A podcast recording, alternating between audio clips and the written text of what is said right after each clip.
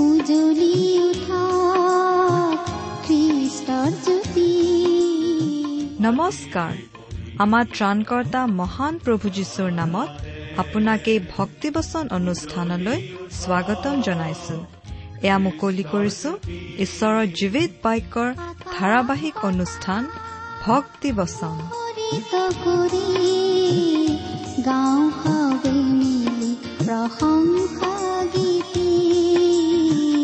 গাঁও হাৱে মিলি প্ৰশংসা গীতি আজিৰে পবিত্ৰ ক্ষণতে উজলি উঠা খ্ৰীষ্টৰ জ্যোতি আপোনাৰ জীৱনত যদি শান্তি পাব বিচাৰে তেন্তে এয়া ঈশ্বৰৰ বাক্যৰ সান্তনা বাক্য ভক্তি বচন। আমাৰ পৰম পবিত্ৰ প্ৰভু যীশুখ্ৰীষ্টৰ নামত নমস্কাৰ প্ৰিয় শ্ৰোতা। আশা কৰো মহান পিতা পৰমেশ্বৰৰ মহান অনুগ্ৰহত আপুনি ভালে কুশলে আছে। প্ৰিয় শ্ৰোতা আপুনি যে আমাৰ এই ভক্তিবচন অনুষ্ঠানটো শুনিছে তাৰ দ্বাৰা আচলতে ঈশ্বৰৰ প্ৰতি থকা আপোনাৰ শ্ৰদ্ধা ভক্তিৰ কথাই প্ৰকাশ পাইছে। সেই মহান ঈশ্বৰৰ মহান বাক্য বাইবেল শাস্ত্ৰৰ সহজ সৰল অধ্যয়নেই আমাৰ এই ভক্তিবচন অনুষ্ঠানটোৰ উদ্দেশ্য। সেই ক্ষেত্ৰত আমি কিমান দূৰ সফল হৈছো তাৰ বিচাৰ আপোনালোকৰ হাতত। আপোনালোকৰ মতামত আদি আমালৈ চিঠি লিখি জনাবচোন। যদিহে আপুনি আমাৰ নিয়মীয়া শ্ৰোতা কিন্তু কেতিয়াও আমালৈ চিঠি পত্ৰ লিখা নাই তেনেহলে আজিয়েই লিখিবচোন। যদিহে আমালৈ মাজে সময়ে চিঠি পত্ৰ লিখি আছে তেনেহলে লিখিবলৈ যেন এৰি নিদিয়ে। আমাৰ ঠিকনা ভক্তিবচন টি ডব্লিউ আৰ ইণ্ডিয়া ডাক বাকচ নম্বৰ সাত শূন্য গুৱাহাটী সাত আঠ এক শূন্য শূন্য এক। ভক্তিবচন T W R India post box number seventy Guwahati seven eight one zero' zero' one. আমাৰ website W W W dot radio' eight eight two dot com আহকচোন আজিৰ বাইবেল অধ্যয়ন আৰম্ভ কৰাৰ আগতে খন্তেক প্ৰাৰ্থনাত মূৰ দুৱাওঁ। আমি প্ৰাৰ্থনা কৰো স্বৰ্গত থকা অসীম দয়ালু পিতৃশ্বৰ তোমাৰ মহান নামৰ ধন্যবাদ কৰো।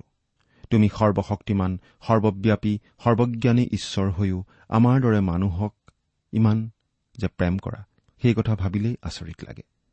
তুমি আমাক ইমানেই প্ৰেম কৰিলা যে আমাক পৰিত্ৰাণ দিবলৈ তুমি তোমাৰ একেজাত পুত্ৰ যীশুখ্ৰীষ্টকে আমালৈ দান কৰিলা। তেওঁ আমাৰ সকলো পাপৰ বোজা নিজৰ কান্ধত লৈ আমাৰ হৈ ক্ৰুচত প্ৰাণ দিলে। নিজৰ পবিত্ৰ তেজেৰে আমাৰ পাপৰ প্ৰায়চিত্ৰ কৰিলে। আজি তেওঁত বিশ্বাস কৰি আমি অনন্ত জীৱন লাভ কৰি তোমাক পিতৃ বুলি মাতিব পৰা হৈছো। তাৰ বাবে তোমাক অশেষ ধন্যবাদ পিতা।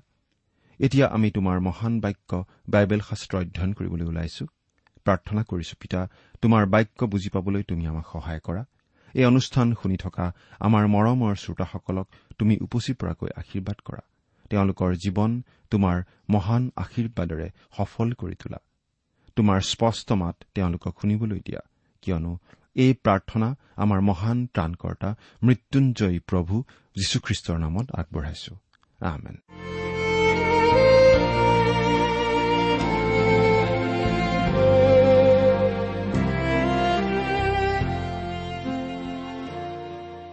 প্ৰিয় শ্ৰোতা আপুনি বাৰু আমাৰ এই ভক্তিবচন অনুষ্ঠানটো নিয়মিতভাৱে শুনি আছেনে?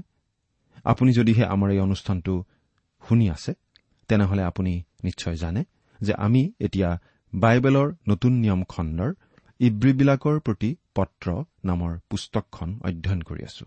নহয়নে বাৰু? এই পুস্তকখনক চমুকৈ আমি ইব্ৰী পুস্তক বুলিয়েই কওঁ। যদিহে আপুনি আমাৰ যোৱা অনুষ্ঠানটো শুনিছিল তেতিয়াহ'লে আপোনাৰ হয়তো মনত আছে যে যোৱা অনুষ্ঠানত আমি এই ইব্ৰী পুস্তকখনৰ দহ নম্বৰ অধ্যায়ৰ পঁচিছ নম্বৰ পদলৈকে পঢ়ি আমাৰ আলোচনা আগবঢ়াই নিছিলো। গতিকে আজিৰ অনুষ্ঠানত আমি ইব্ৰী পুস্তকৰ দহ নম্বৰ অধ্যায়ৰ ছাব্বিছ নম্বৰ পদৰ পৰা আলোচনা আৰম্ভ কৰিব খুজিছো। এই ইব্ৰী পুস্তকখন হৈছে এখন চিঠি। ইব্ৰী অৰ্থাৎ যিহুদী খ্ৰীষ্টীয় বিশ্বাসীসকললৈ লিখা এখন চিঠি। তথাপি ইয়াৰ যোগেদি আজি আমি শিকিবলগীয়া অনেক কথা আছে। প্ৰিয় শ্ৰোতা আপুনি বাৰু আপোনাৰ বাইবেলখন মেলি লৈছেনে? আহক আমি এতিয়া বাইবেলৰ পৰা চাই যাওঁ হওক। প্ৰিয় শ্ৰোতা ইব্ৰী পুস্তকৰ অধ্যয়ন কৰোঁতে আমি শেষৰ পিনে কেইটামান সাৱধানবাণী পাওঁ। তাৰে এটা হৈছে অৱহেলা কৰা নাইবা তুচ্ছ জ্ঞান কৰাৰ ভয়াৱহতা। আচলতে এই সাৱধানবাণীটোৱে আমাৰ মনত ভয়ৰ সঞ্চাৰ কৰা উচিত। বাইবেলৰ পৰা পাঠ কৰি দিম। ইব্ৰী দহ নম্বৰ অধ্যায়ৰ ছাব্বিছ নম্বৰ পদ।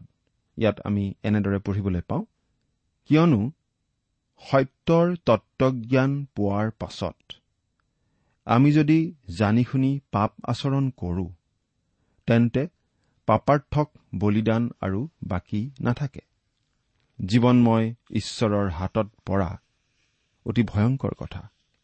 চিমুন পিতৰে এই বুলি কৈছিল দ্বিতীয় পিতৰ দুই নম্বৰ অধ্যায়ৰ একৈশ নম্বৰ পদত আমি পাওঁ। তেওঁ কৈছিল কাৰণ জ্ঞান পাই নিজত সমৰ্পিত পবিত্ৰ আজ্ঞাৰ পৰা ওলটি যোৱাতকৈ ধৰ্মপথ নজনাকৈ থকা তেওঁবিলাকৰ পক্ষে ভাল আছিল। এই সাৱধানবাণী আছিল ইব্ৰী খ্ৰীষ্টীয় বিশ্বাসীসকলৰ কাৰণে। কাৰণ তেওঁলোকৰ কিছুমানে আকৌ মন্দিৰলৈ গৈছিল আৰু মন্দিৰত বলিদান দিব ধৰিছিল। তেওঁলোকে আচলতে এটা বিৰোধৰ মনোভাৱ দেখুওৱাৰ নিচিনা হৈছিল কাৰণ তেওঁলোক মুচিৰ বিধানৰ অধীন হৈ থকা বুলিয়েই কৈছিল। তাকে কৰি আচলতে তেওঁলোকে এই কথা কোৱাৰ নিচিনা হৈছিল যেন প্ৰভু যীশুখ্ৰীষ্টই ক্ৰুচত আগবঢ়োৱা বলিদান তেওঁলোকৰ বাবে যথেষ্ট নহয় যিহেতু জন্তু বলি দিয়া কাৰ্যটোৱে আচলতে খ্ৰীষ্ট যে ক্ৰুচত বলি হ'ব সেইটোৰ আগতীয়া ছবি এখনহে দাঙি ধৰিছিল গতিকে খ্ৰীষ্টৰ ক্ৰুচীয় মৃত্যুৰ লগে লগে সেই বলিবিধান সম্পূৰ্ণ হৈ গ'ল আৰু নতুনকৈ বলি দিয়াৰ প্ৰয়োজন নোহোৱা হৈ গ'ল।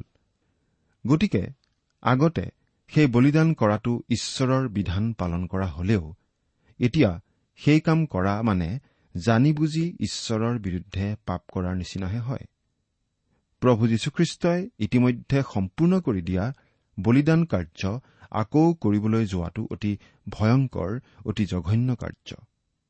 তেওঁলোকে এনেকুৱা কৰিছিল যেন মন্দিৰত বলি দিয়া সেই কাৰ্যটো অনন্তকাল ধৰি চলি আহিছে আৰু চলি থাকিব। ইব্ৰী পুস্তকৰ লিখকে তেওঁলোকক কৈছে যে তেওঁলোকে আৰু মন্দিৰৰ ওপৰত ভৰসা কৰিব নোৱাৰে কাৰণ পাপৰ বলিদান আৰু বাকী নাই। খ্ৰীষ্টই পাপৰ প্ৰায়চিত্ৰৰ বাবে ক্ৰুচত আগবঢ়োৱা বলিদান যদি কোনো লোকে অগ্ৰাহ্য কৰে তেন্তে পাপৰ প্ৰায়চিত্ৰৰ বাবে আন বলি আৰু নাই। আৰু ঈশ্বৰৰ কাষ চপাৰো আন কোনো পথ আৰু নাই। তেওঁলোকে এতিয়া মন্দিৰলৈ নাচাই প্ৰভু যীশুখ্ৰীষ্টলৈহে চাব লাগিব। যদি তেওঁলোকে সেইটো নকৰে তেনেহলে তেওঁলোকৰ বাবে সুধ বিচাৰৰ বাহিৰে আন একো বাকী নাথাকিব। এই ক্ষেত্ৰত ঈশ্বৰৰ বাক্য অতি স্পষ্ট। সত্যৰ তত্বজ্ঞান পোৱাৰ পাছত আমি যদি জানি শুনি পাপ আচৰণ কৰো ইয়াত আচলতে ইচ্ছা কৰি জানি শুনি বলি আগবঢ়াই পাপ কৰি থকা কথাটোক বুজোৱা হৈছে। এইটো ঈশ্বৰৰ বাক্যৰ বিৰুদ্ধে কৰা আচৰণ। এনে জানি শুনি কৰা অবাধ্য আচৰণৰ বাবে পুৰণি নিয়ম নাইবা নতুন নিয়মত কোনো বলিবিধান আৰু নাই। সাতাইছ নম্বৰ পদ। কেৱল সোধ বিচাৰৰ এক ৰকম ভয়ংকৰ অপেক্ষা আৰু বিপক্ষবিলাকক গ্ৰাস কৰিবলৈ উদ্যত হোৱা অগ্নিৰ কোপ থাকে। যদিহে প্ৰায় দুহেজাৰ বছৰ আগতে খ্ৰীষ্টই আমাৰ হকে কৰা মৃত্যুবৰণটো যথেষ্ট নহয় তেনেহলে আন একোৱেই যথেষ্ট নহয়। আমাক উদ্ধাৰ কৰিবলৈ ঈশ্বৰে আৰু বেলেগ একো ব্যৱস্থা নকৰে। খ্ৰীষ্টই আকৌ মৰি নিদিয়ে। অৱশ্যে তেওঁ তেনে কৰাৰ আৰু প্ৰয়োজনো নাই। সত্যৰ তত্বজ্ঞান পোৱাসকলে মন্দিৰৰ ৰীতি নীতি বলিদান কাৰ্য আদি কৰি থকাটো জানি শুনি অবাধ্য আচৰণ কৰা কাৰ্যহে হয়। এতিয়া পত্ৰখনৰ লিখকে এটা তুলনা দাঙি ধৰিব। আঠাইছ আৰু ঊনত্ৰিশ নম্বৰ পদ। যিকোনোৱে মুচিৰ বিধান অৱহেলা কৰে। তেওঁ দুই তিনি সাক্ষীৰ প্ৰমাণেৰে বিনা কৰোণাৰে মৰিব লগা হয়। তেন্তে ঈশ্বৰৰ পুত্ৰক যিজনে ভৰিৰ তলত গছকে আৰু নিয়মৰ যি তেজৰ দ্বাৰাই তেওঁ পবিত্ৰীকৃত হৈছিল তাক অসুচী কৰে আৰু অনুগ্ৰহৰ আত্মাৰ অপমান কৰে। তোমালোকৰ বিবেচনাৰ দৰে তেওঁ তাতকৈ কিমান দুৰ্ঘুৰ দণ্ডৰ যোগ্য পাত্ৰ বুলি গণিত হ'ব? ঈশ্বৰৰ বাক্যত এইটোৱেই নিশ্চয় সকলোতকৈ গহীন আৰু গুৰুত্বপূৰ্ণ সাৱধানবাণী। যি নিয়মৰ তেজৰ দ্বাৰাই তেওঁ পবিত্ৰীকৃত হৈছিল। ইয়াত ঈশপুত্ৰ খ্ৰীষ্টৰ পবিত্ৰ তেজৰ কথা বুজোৱা হৈছে। তেওঁলোকে ঈশপুত্ৰক নতুনকৈ ক্ৰুচত দিয়াৰ নিচিনা হয়। যদিহে আকৌ আগৰ নিচিনাকৈ তেওঁলোকে মন্দিৰত বলি আগবঢ়াবলৈ যায়। খ্ৰীষ্টৰ ক্ৰুচীয় মৃত্যু আমাৰ পাপৰ সমস্যা নিষ্পত্তি কৰিবলৈ যথেষ্ট নহয় বুলি দেখুওৱা আৰু তেওঁ যেন আমাৰ হকে মৃত্যুবৰণ কৰাই নাই তেনেকুৱা দেখুওৱা মানে খ্ৰীষ্টৰ তেজক হীন কৰা তুচ্ছ কৰা নাইবা ঘীন বা অৱহেলা কৰাৰ নিচিনা কথা। জ্ঞানে আচলতে দায়িত্বৰ জন্ম দিয়ে। যদি কোনোবাই আপোনাক খ্ৰীষ্টৰ শুভবাৰ্তা জনোৱাৰ পাছত আপুনি সকলোখিনি শুনাৰ পাছত যদিহে আপুনি খ্ৰীষ্টলৈ পিঠি দিয়ে তেনেহলে হে প্ৰিয় শ্ৰোতা আপোনাৰ অৱস্থা বাৰু কি হ'ব? ভাবি চাইছেনে বাৰু? জনাৰ পাছত প্ৰত্যাখ্যান কৰা লোকৰ বাবে আছে কেৱল সোধ বিচাৰ আৰু দণ্ড। এয়া ঈশ্বৰৰ বাক্যই কোৱা কথা। ত্ৰিশ নম্বৰ পদ। কিয়নো প্ৰতিকাৰ কৰা মোৰ কৰ্ম মইহে প্ৰতিফল দিম। আৰু এবাৰ প্ৰভুৱে নিজৰ মানুহবিলাকৰ সুধবিচাৰ কৰিব। এইবোৰ কথা যিজনাই কলে তেওঁক আমি জানো। এৰা ঈশ্বৰেই বিচাৰ কৰিব। এই বিশ্ব ব্ৰহ্মাণ্ডখনৰ তেওঁৱেই সাৰ্বভৌম শাসনকৰ্তা। আমি সকলো এদিন তেওঁৰ আগত থিয় হ'ব লাগিব। বিচাৰ কৰাৰ সাৰ্বভৌম অধিকাৰ ঈশ্বৰৰ আছে আৰু সেই অধিকাৰ তেওঁ এৰি দিয়া নাই। প্ৰথম পিতৰ চাৰি নম্বৰ অধ্যায়ৰ সোতৰ আৰু ওঠৰ নম্বৰ পদত আমি এই বুলি পঢ়িবলৈ পাওঁ কিয়নো ঈশ্বৰৰ গৃহত সোধ বিচাৰৰ আৰম্ভণৰ সময় হৈছে। কিন্তু যদি সেয়ে প্ৰথমতে আমাত হয় তেন্তে ঈশ্বৰৰ শুভবাৰ্তা নমনাবিলাকৰ শেষ গতি কি হ'ব? আৰু ধাৰ্মিক লোকেই যদি কোনো প্ৰকাৰেহে পৰিত্ৰাণ পায় তেন্তে ভক্তিহীন আৰু পাপিষ্ঠ লোকে কত মুখ দেখুৱাব? একত্ৰিশ নম্বৰ পদ। জীৱনময় ঈশ্বৰৰ হাতত পৰা অতি ভয়ংকৰ কথা। এইটো এটা বিশেষভাৱে মন কৰিবলগীয়া পদ। আৰু এই পদটোত আমি অলপ থমকি ৰোৱা উচিত হ'ব। এই পদটো খ্ৰীষ্টীয় বিশ্বাসীৰ লগতে খ্ৰীষ্টত বিশ্বাস নকৰা লোকসকলৰ বাবেও। জীৱনময় ঈশ্বৰৰ হাতত পৰা অতি ভয়ংকৰ কথা। এতিয়া আমি আন এটা পদ চাব খুজিছো। ইজৰা পুস্তকৰ সাত নম্বৰ অধ্যায়ৰ ন নম্বৰ পদ। কিয়নো প্ৰথম মাহৰ প্ৰথম দিনা ইছৰা বাবিলৰ পৰা ৰাওনা হৈছিল আৰু তেওঁৰ ওপৰত তেওঁৰ ঈশ্বৰৰ মংগলময় হাত থকাত তেওঁ পঞ্চম মাহৰ প্ৰথম দিনা জিৰচালেম পালে। এই পদত আমি পাওঁ যে এই মানুহজনৰ ওপৰত ঈশ্বৰৰ হাত আছিল মংগলৰ বাবে। ঈশ্বৰে আপোনাৰ ওপৰতো মংগলৰ হাত ৰাখিব বিচাৰে। কিন্তু কেতিয়াবা তেওঁ তেওঁৰ সন্তানবোৰৰ ওপৰত অতি গধুৰ হাত ৰাখে। তেওঁ সন্তানবোৰক শাস্তি দিয়ে। আপোনালোকৰ এই অযোগ্য দাসেও তেনেকুৱা শাস্তি পাইছো। হয়তো আপুনিও কেতিয়াবা পাইছে। তেনেকুৱা শাস্তি ডায়ুদেও পাইছিল। আমি গীতমালা বত্ৰিশ নম্বৰ গীতৰ চাৰি নম্বৰ পদত ডায়ুদে এই বুলি কোৱা পঢ়িবলৈ পাওঁ। কিয়নো দিনে ৰাতিয়ে তোমাৰ হাত মোৰ ওপৰত গধুৰ হৈ আছিল। মোৰ গাৰ ৰস পৰিৱৰ্তন হৈ ঘামকালিৰ খৰালি যেন হৈছিল। ঈশ্বৰে কি কৰিছিল? তেওঁ ডায়ুদক শাস্তি দি শুধৰাইছিল। ডায়ুদে নিজৰ পাপ লুকুৱাব পৰা নাছিল। লুকুৱাব খুজিছিল কিন্তু সেই পাপ স্বীকাৰ কৰি তাক দূৰ কৰিবলৈ ঈশ্বৰে ডায়ুদক বাধ্য কৰিছিল। ঠিক একে কাৰণতে ঈশ্বৰৰ হাতত আমি পৰিব লগা হ'ব পাৰে। আমাৰ ওপৰতো তেওঁৰ হাত পৰে যদিহে আমি তেওঁৰ সন্তান। কিন্তু ঈশ্বৰৰ শুধৰণিমূলক শাস্তিৰ হাত আৰু সুধবিচাৰৰ দণ্ডৰ হাত সম্পূৰ্ণৰূপে বেলেগ। তেওঁ কৈছে বিচাৰ কৰা মোৰ কাম প্ৰতিকাৰ কৰা দণ্ড দিয়া মোৰ কাম। ঈশ্বৰে প্ৰতিহিংসাৰ ভাৱেৰে দণ্ড নিদিয়ে কিন্তু ঈশ্বৰে পাপৰ বিচাৰ কৰিবই। সেই কথাটো আমি জোৰ দি ক'ব খুজিছো। ডায়ুদৰ এই কথালৈ কাণ দিয়ক। গীতমালা পঁয়সত্তৰ নম্বৰ গীতৰ আঠ নম্বৰ পদ এনেদৰে লিখা আছে কিয়নো জিহুৱাৰ হাতত এক পাণপাত্ৰ আছে দ্ৰাক্ষাৰস ফেনাইছে সেয়ে মিশ্ৰিত দ্ৰব্যেৰে পৰিপূৰ্ণ আৰু তেওঁ তাৰেই কিছু ঢালি দিছে। পৃথিৱীৰ আটাই দুষ্টবোৰে অৱশ্যে তাৰ গেটবোৰো চেপি খাব। গীত ৰচক ডায়ুদ আৰু ভাৱবাদীসকলে সুধবিচাৰৰ দণ্ডৰ সময় মানে ঈশ্বৰৰ ক্ৰোধৰ পিয়লা উপচি পৰাৰ সময় বুলি কৈছে। সেই পিয়লা পূৰ্ণ হৈ পৰিবৰ উপক্ৰম হৈছে।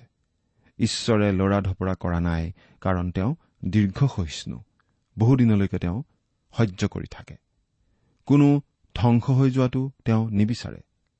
কিন্তু সুধবিচাৰৰ পিয়লা পূৰ হ'ব ধৰিছে আৰু সেই পিয়লা অতি তিতা। যিসকল লোকে প্ৰভু যীশুক অৱহেলা কৰি অৱমাননা কৰিছে সেই সকলোৰে বাবে সন্মুখত আছে ঈশ্বৰৰ সুধবিচাৰৰ পিয়লা। তেন্তে ঈশ্বৰৰ পুত্ৰক যিজনে ভৰিৰ তলত গছকে আৰু নিয়মৰ যি তেজৰ দ্বাৰাই তেওঁ পবিত্ৰকৃত হৈছিল তাক অসুচী কৰে আৰু অনুগ্ৰহৰ আত্মাৰ অপমান কৰে তোমালোকৰ বিবেচনাৰ দৰে তেওঁ তাতকৈ কিমান দুৰ্ঘুৰ দণ্ডৰ যোগ্য পাত্ৰ বুলি গণিত হ'ব। প্ৰিয় শ্ৰোতা খ্ৰীষ্টই আপোনাৰ হকে ক্ৰুচত যিখিনি কৰিলে সেইখিনি যদি আপুনি অৱমাননা কৰে তেনেহলে আপোনাৰ সন্মুখত কেৱল সুধ বিচাৰ আৰু দণ্ডহে থাকিব কোনো আশা নাথাকিব। সেই একেটা কথাই ইব্ৰী খ্ৰীষ্টীয় বিশ্বাসীসকলক ইয়াত কোৱা হৈছে। মুচিৰ বিধান মতে তেওঁলোকে বছৰত এবাৰকৈ বা যদি বিচাৰে যিকোনো দিনত মন্দিৰলৈ বলি আনিব পাৰিছিল। কিন্তু এতিয়া আৰু তেনে কৰিব নোৱাৰে। সেই বিধান নোহোৱা হৈ গ'ল।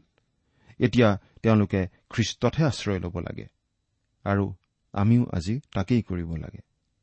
এতিয়া লিখকে সেই যিহুদী বিশ্বাসীসকলক কিছুমান ব্যক্তিগত কথা কোৱা আমি দেখিবলৈ পাম। বত্ৰিশ নম্বৰ পদ। কিন্তু তোমালোকে পোহৰ হোৱাৰ পাছত যি কালত নানা দুখ ভোগস্বৰূপ মহাযুদ্ধ সহন কৰিছিলা যিসকল ইব্ৰীলোকলৈ এই পত্ৰখন লিখা হৈছিল। তেওঁলোক পৰিত্ৰাণ পোৱা লোক আছিল বুলি আমি ধৰি লৈছো। তেওঁলোক পৰিত্ৰাণ পোৱা লোক আছিল। সেই সম্বন্ধে পত্ৰৰ লিখকজনৰ মনত একো সন্দেহ নাছিল বুলি আমি বুজি পাওঁ। তেত্ৰিশ আৰু চৌত্ৰিশ নম্বৰ পদ। অৰ্থাৎ এপিনে নিন্দা আৰু ক্লেশত কৌতুকৰ পাত্ৰ হৈছিলা। আনপিনে সেই একে অৱস্থাত পৰা মানুহবিলাকৰ সহভাগী আছিলা। সেই আগৰ কাল সোঁৱৰিবা। কিয়নো তোমালোকে বন্ধন হোৱাবিলাকৰ দুখত দূষিত হৈছিলা আৰু তোমালোকৰ অধিক উত্তম আৰু সদায় থকা সম্পত্তি আছে বুলি জানি আনন্দেৰে তোমালোকৰ সৰ্বস্বৰ অপহৰণ সহন কৰিছিলা। নিন্দা আৰু ক্লেশত কৌতুকৰ পাত্ৰ হৈছিলা। খ্ৰীষ্টীয় বিশ্বাসীসকল সমাজৰ আগত কৌতুকৰ পাত্ৰ নাইবা সকলোৱে চাই থকা লোক হৈছিল। আনন্দেৰে তোমালোকৰ সৰ্বস্বৰ অপহৰণ সহন কৰিছিলা। বহুতো খ্ৰীষ্টীয় বিশ্বাসীক কাৰাগাৰত থোৱা হৈছিল আৰু অনেক খ্ৰীষ্টীয় বিশ্বাসীৰ সা সম্পত্তি কাঢ়ি লোৱা হৈছিল কিন্তু সেই দুখ কষ্টৰ সময়ত তেওঁলোকে যি ধৈৰ্য ধৰিছিল সেই কথা পত্ৰখনৰ লিখকে তেওঁলোকক সোঁৱৰাই দিছে। পঁয়ত্ৰিশ নম্বৰ পদ।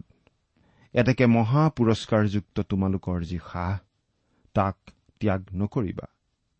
তোমালোকৰ যি সাহ তাক ত্যাগ নকৰিবা বা আন কথাত কবলৈ গ'লে আমি আমাৰ বিশ্বাসৰ যি আশা তাত দৃঢ়কৈ খোপনি পুতি থাকো হওক। ছয়ত্ৰিশ নম্বৰ পদ। কিয়নো তোমালোকে ঈশ্বৰৰ ইচ্ছা পালন কৰি প্ৰতিজ্ঞাৰ ফল যেন পোৱা এই নিমিত্তে ধৈৰ্যত তোমালোকৰ প্ৰয়োজন আছে। শাস্ত্ৰত ধৈৰ্য আৰু বিশ্বাস একেটা বন্ধনত বন্ধা থকা কথা। ক্লেশ আৰু তাৰণাৰ সময়ত তেওঁলোকে ধৈৰ্য প্ৰদৰ্শন কৰাৰ পাছত তেওঁলোকে তেওঁলোকৰ বিশ্বাসৰ ফলৰ যি সম্পূৰ্ণতা ভৱিষ্যতে পাব বুলি আশা কৰি আছে তাতো ধৈৰ্য প্ৰদৰ্শন কৰা উচিত। সাতত্ৰিশ নম্বৰ পদ। কিয়নো অলপতে আহিব লগাজন আহিব পলম নকৰিব। আমি প্ৰায়েই মানুহে এনেদৰে কোৱা শুনো যদিহে প্ৰভু অহাত পলম কৰে। তেনেহলে নিশ্চয় আপোনাৰ লগত আকৌ দেখা দেখি হ'ব। কিন্তু তেনেদৰে কোৱা মানুহক আমি জনাবলগীয়া কথা আছে। প্ৰভু অহাত পলম কৰি নাথাকে। কিছুমান মানুহে এনেকুৱা ভাৱ ৰাখে যেন প্ৰভু যীশু অহাত পলম কৰি আছে। কিন্তু তেওঁ পলম কৰি নাথাকে। তেওঁৰ সময়সূচীত নিৰ্ধাৰিত সময়মতে তেওঁ এদিন আহিবই। কোনোবাই সোধে তেওঁনো কেতিয়া আহিব? কিন্তু প্ৰভু যীশুৱে তেওঁৰ সময়সূচীখন আমাক চাবলৈ নিদিয়ে। গতিকে আমি সঠিক দিন তাৰিখ নাজানো। কিছুমান লোকে আকৌ এনেদৰেও কয় যেন তেওঁলোকে প্ৰভু যীশুৰ সেই সময়সূচীখন দেখিছেহে। কিন্তু তেনে লোক আচলতে মানুহে বনোৱা সময়সূচী দেখিছে বুলিহে আমাৰ ধাৰণা হয়। কাৰণ কোনেও কেতিয়াও ঈশ্বৰৰ সময়সূচীখন দেখা নাই। কিন্তু আমি এই বিষয়ত নিশ্চিত যে এটা নিৰ্ধাৰিত দিনত প্ৰভু যীশুখ্ৰীষ্ট আহিব। তেওঁৰ পুনৰগমন হ'ব। তেওঁৰ প্ৰথম আগমনটো যেনেকৈ খাটাং আছিল তেনেকৈ তেওঁৰ দ্বিতীয় আগমনটোও হ'ব বুলি আমি খাটাংভাৱে ক'ব পাৰোঁ। পদ। কিন্তু মোৰ ধাৰ্মিকজন বিশ্বাসৰ দ্বাৰাই জীৱ। কিন্তু যদি হুহকি যায় তেন্তে মোৰ প্ৰাণ সেইজনত সন্তুষ্ট নহ'ব। এই পদটো আচলতে হবকুক দুই নম্বৰ অধ্যায়ৰ তিনি আৰু চাৰি নম্বৰ পদৰ উদ্ধৃতি। ৰুমিয়া আৰু গালাটীয়া পত্ৰতো ইয়াৰ উদ্ধৃতি আমি দেখা পাওঁ।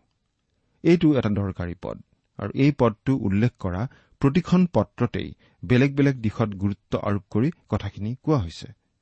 ৰুমিয়া পত্ৰত গুৰুত্ব দিয়া হৈছে ধাৰ্মিকবিলাক বিশ্বাসৰ দ্বাৰাই জীৱ অৰ্থাৎ ধাৰ্মিক কথাটোত। সেই বিষয়টোত অৰ্থাৎ পাপী লোকক ঈশ্বৰে কেনেদৰে ধাৰ্মিক বুলি ঘোষণা কৰিব পাৰে সেই বিষয়টোত।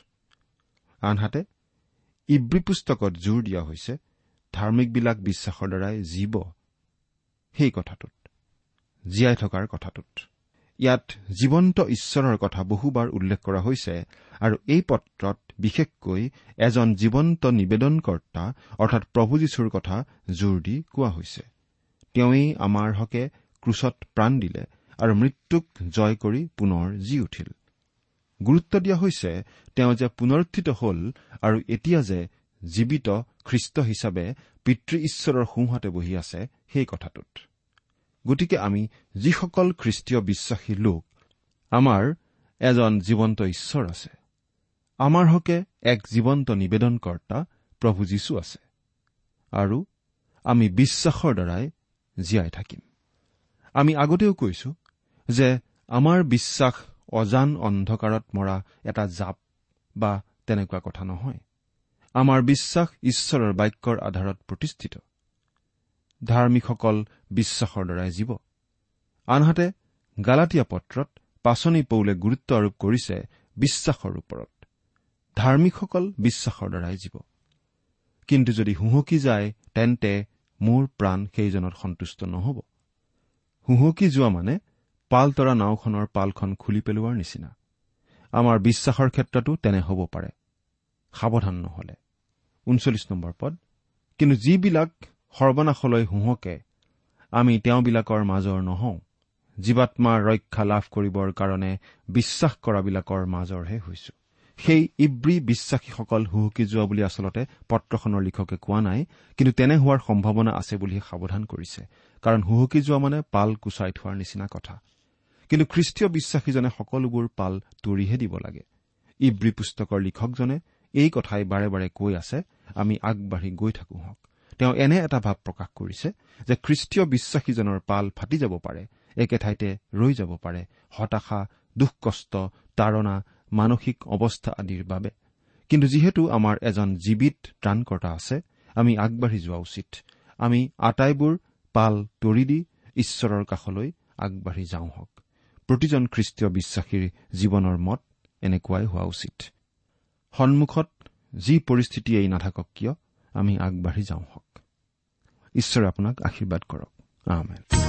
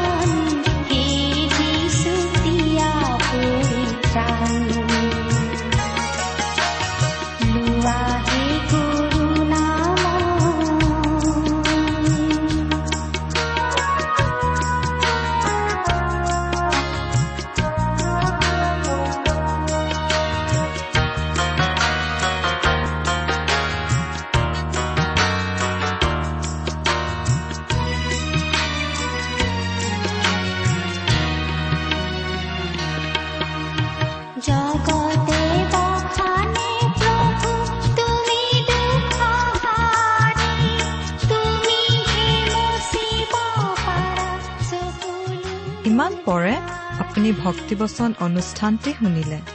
অনুষ্ঠানটি শুনি কেনে পালে আমালৈ চিঠি লিখি জনাবচোন। অনুষ্ঠানত প্ৰচাৰ কৰা কোনো কথা বুজিব লগা থাকিলেও আমালৈ লিখক। আমাৰ ঠিকনা ভক্তিবচন টি ডাব্লিউ আৰ ইণ্ডিয়া। ডাক পাকচ নম্বৰ সাত শূন্য গুৱাহাটী সাত আঠ এক শূন্য শূন্য এক। ঠিকনাটো আৰু এবাৰ কৈছো ভক্তিবচন টি ডাব্লিউ আৰ ইণ্ডিয়া। ডাক পাকচ নম্বৰ সাত শূন্য গুৱাহাটী সাত আঠ এক শূন্য শূন্য এক। আপুনি ইমেইল যোগেৰেও আমাৰ সৈতে যোগাযোগ কৰিব পাৰে। আমাৰ ইমেইল আইডিটো হৈছে Assamese T TV at radio' eight eight two dot com আইডিটো আকৌ এবাৰ কৈছো। Assamese T TV at radio' eight eight two dot com আপুনি টেলিফোনৰ মাধ্যমেৰেও আমাক যোগাযোগ কৰিব পাৰে।